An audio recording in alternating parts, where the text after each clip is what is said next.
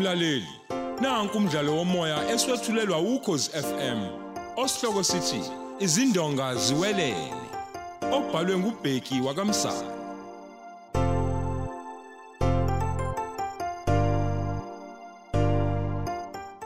Nasi isiqebu sethu samashumi ayisithupha nambili.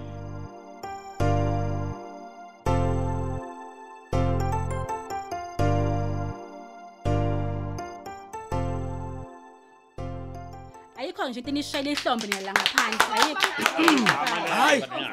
Azoke emphakathi. Eh ngiyanibingelela nonke ke njengoba nje nifike eh ngomningi benu ngosuku thina eh olwenza ngendlela engajwayelekile. mahlobo omkhulu mahlobo omkhulu Eh igama lami ke ngumahlobo Ntombela.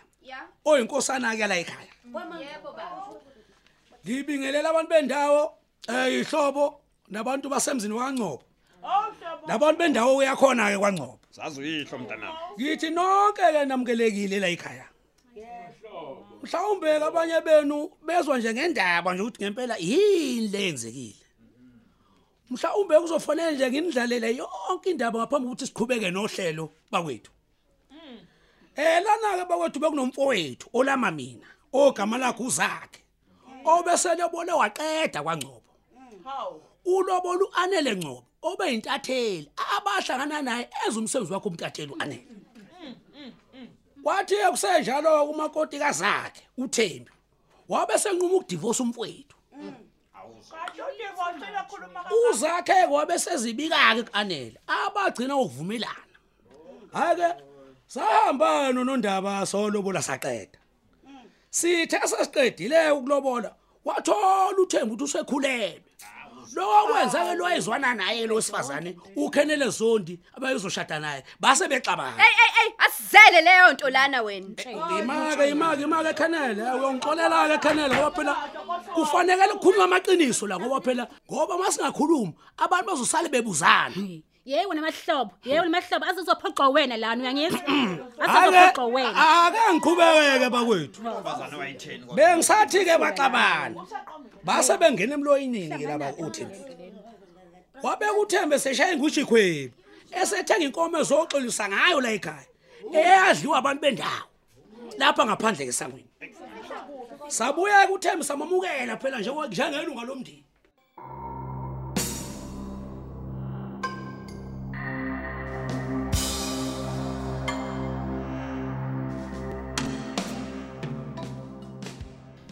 Sanibonani. bani yami Mina ngingumsesha phenya lamacala. Ngicela ke unganishini nemibuzo kuzobe sengathi thina amaphoyisa siwenza umsebenzi wethu. Njengomseshi nje obophenya kusukela kugula kuanele. Satshela ukuthi intombazane le eqashiwe empangeni kwangeyasa sikhawini. Kodwa ke sathola ukuthi kwangelona iqiniso lelo. Hayi ke eh masingashika abantu benembuzo ungasala usunaba zemseshu ukuthi eyamaphi Hayi noma kwamanje singakayitholi kodwa yona eyakhona la eThekwini. ngabe ngabe umseshi waze kanjani uthi asethekwini Hayi ngakusho nje ngingabi namahloni ukuthi mina ngathi uma ngizwe umlando kaThembi noAnele ngasola ukuthi khona okushaya amanzi la. uThembi wayehamba noAnele ngemoto eye empangeni. Kwabe sekufanele ngiqiniseke ukuthi wayehamba nobani.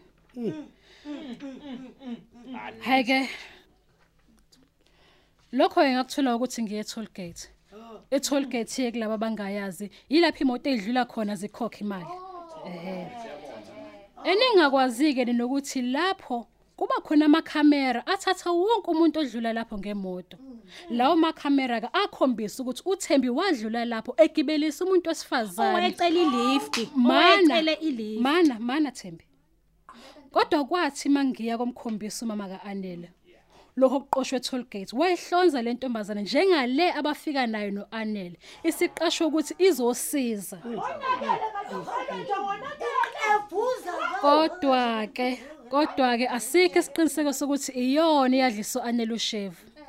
Niyabona ke thina amaphoyisa asimbopha umuntu ngoba nakho simcabangela. Kodwa sifuna ubufakazi obuqandula ikhanda. Noma ke singakayitholi le ntombazane njengoba sizoyithola kodwa bokho ubufakazi obuphelele ukuthi uThembi wayithenga ukudliso Anele ushevu. ngifuna ukuthi okwamanje sesiyazi ukuthi uThemba uqambela amaphoyisa amanga ngokuthi le ntombazana ubengayazi ngesikhathi beyiqashe empangeni futhi njengoba nje singakayitholi nje ayikasho ukuthi yathengwa nguye ukuthi edliso anele kodwa ke lokho akusho ukuthi akukho la angase ethole sethinteka khona uThembi Sithena ke sisaphenya ukudliswa kaAnele nakho ke sekugetshenga nozakhe emotweni yakhe. Kulo elisote siphuma kulo. Ngeshwa ke kulabo bebeqashwe kumbulala. Omunye wabo besebenzisana nathi ke emaphoyisa.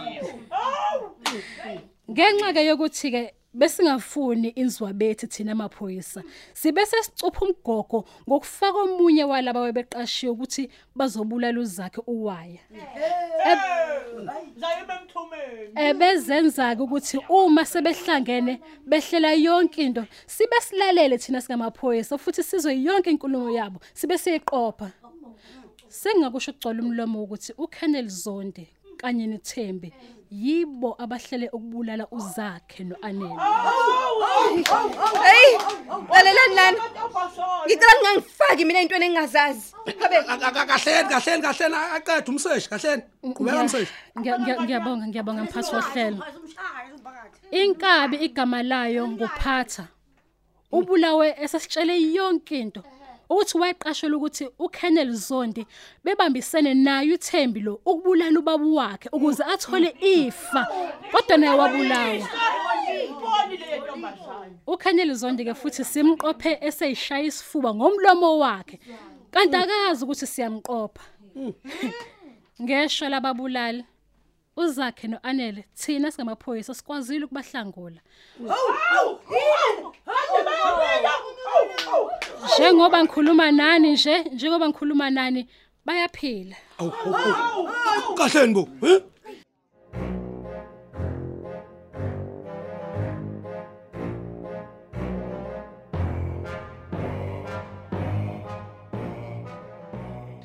ngifuna ukuthi kunina njengoba nila nize emshadweni wangempela. Ngicela ubangenise bandla constable bangenise. Hayibo ngicela nje ukuthi aqede aqale aqale aqede kuqala umseshi. Hayibo eh ibona ke laba abashadayo ke namhlanje. hayibo hayibo nansi mhlola. nansi awe nansi mhlola bo lona ke kuzakhe. Bese kuba umakoti wakhe lo owasinde edlisiwe futhi esambalekisa isibhedlela uKenneth Zondi benothembi base bemqashela abantu ukuthi bamqedele khona esibhedlela. Bangeniseni maphoyisa bangeniseni bangeniseni akani imnike ithuba aqhubeke lo ngu4 esebenza naye basanda kumkhokhela khona la eminyango emotweni. Bese kuthi lo nguSparks okunguyena obeqashe u4 ukuba amlekelele. Njengoba nibona nje njengoba nibona nje elimele nje esandleni udutshulwe ngu4 ngesikhathi bezama ukubulala uzakhe useboshiwe ke yena njengoba ngikhuluma nani nje. Sengizoceleka amaphoyisa asondele ngoba sesizokhombisa uKenneth Zondi noThembi iwarrant yokubabopha bese sitshela amalungelo abo siphinde sikhombise uKenneth Zondi iwarrant yokusesha emzini wakhe lapho sikholela khona ukuthi kukhona uwallet namakhadi asebhanki akhona. Washa bakhombisene ama-warrant abo maphoyisa bakhombisene. Hayibo angazilutho mina hayi angazilutho mina hayibo hayi sengizobabalela amacala abo angiyazi nalento manje enikhuluma ngayo. sengizonibalela amacala-ke niboshelwa wona asiqale ngawe Kenneth Zondi wena wabopha uzungu lokubulala ubaba wakho waphinde wabopha uzungu lokubulala uzakhe ngesikhathi ecashe endlini yakhe. Waphinde wazobopha uzungu lokubulala uAle- uanele. Emva kwalokho wabopha uzungu lokubulala uzakhe kulo leli sonto esiphuya kulo. Ubusanda ukubulala uphatha futhi emva kwalokho. Khona umbuzo nawo? Angiyazi lento enikhuluma ngayo mina. Angiyazi yonke lento. selikushonele unelungelo lokuthula uthi cwaka ngoba konke ozokusho njengamanje siyakusebenzisa enkantolo ukukucindezela unelungelo lokuthatha ummeli kodwa uma engenawo amandla ombuso uzokunikeza kummeli wamahala ngixoxeloza nkosi maphoyisa. Hey hey musungiqinisa wena musungiqinisa kakhulu wena. Masibuyeke size kuwena Thembi. Ubekwe icala lokuba yingxenye yokubulawa kaMzobe ubaba kaKhenele uwena futhi wafonela uphathe ukubabulala uzakhe okwamanje asizukubeka icala lokuzama ukubulala uAnele kodwa uyathun- uyathinteka ehleleni ukubulala uzakhe uma sike sayithola intombazane yathi yayithunywe ngudliso anele siyakwamukela lokho ngoba uwena owasuka nayo le ntombazane eThekwini. Sengiyalazi nehotela nalala kulo. Kodwa nazi nje abantu nje abafika ekseni ngifuna nazi kahle ukuthi njengomphathi wamacala enu uma nike nathi nizama ibail ngizoyiphiketha nina ngifuna nihlale ejele. Mbadle. mbuye senikhokhoba. Bathatheni maphoyisa. Bathatheni.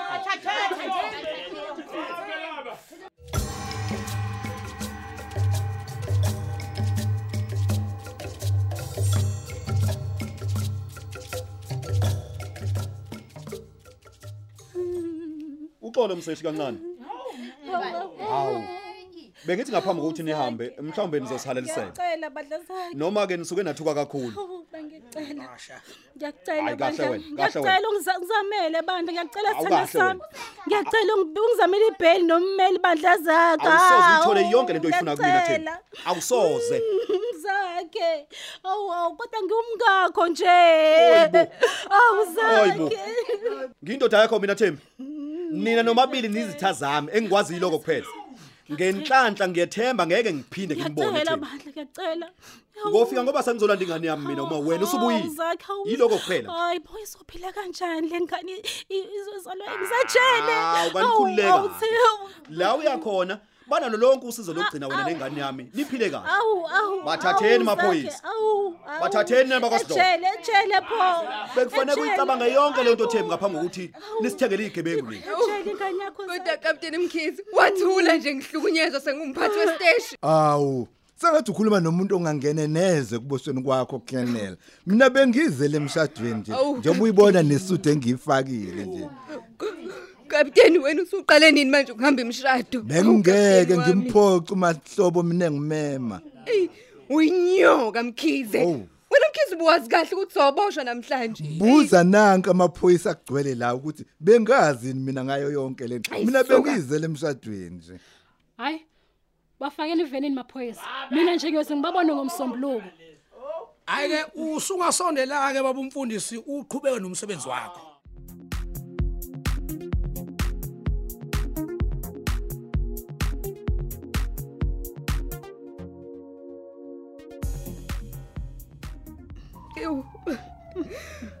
uThembisa sasangena emgibeni futhi senziwe izilimi. usho ukuthi umseshi unjoko uyena ngempela lo senze kanje njengoba ngimdelele kangaka Ey. Ithembi bathi ayihlabi ngakumisa. Okusho ukuthi befuna ukuzohlekisa ngathi la. Umkhize ikwathola sengathi akekho. usho ukuthi nalokuba imbamba kwakho bekuvele kuyinto engekho nje Ey, uyabona ufo. Ey, mfethu besikhuluma naye nje. Ufake izingcingo zamaphoyisa. Abelalele yonke. usho ukuthi besibala imali nje lapha emotweni amaphoyisa bese silalele vele le Uyabona futhi akucinanga nje lapho. Kodwa besibona. Futhi ke ah, yonke le amali manje isigcwele imino yethu. Hey kuphelile ngathi Thembi.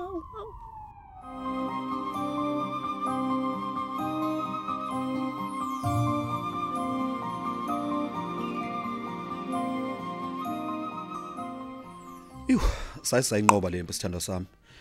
Okusho ukuthi ke indaba yakho isinesiphetho ke manje anele wami. Impela kunjalo sithando sami. Ngenhlanhla ke nje umhlelo wami ngimbonile la. Hey, ukapteni Mkhize wathula sengathi akekho nje manje. Uthini ke manje njengoba phela nasenimbiza ngayo yonke into le.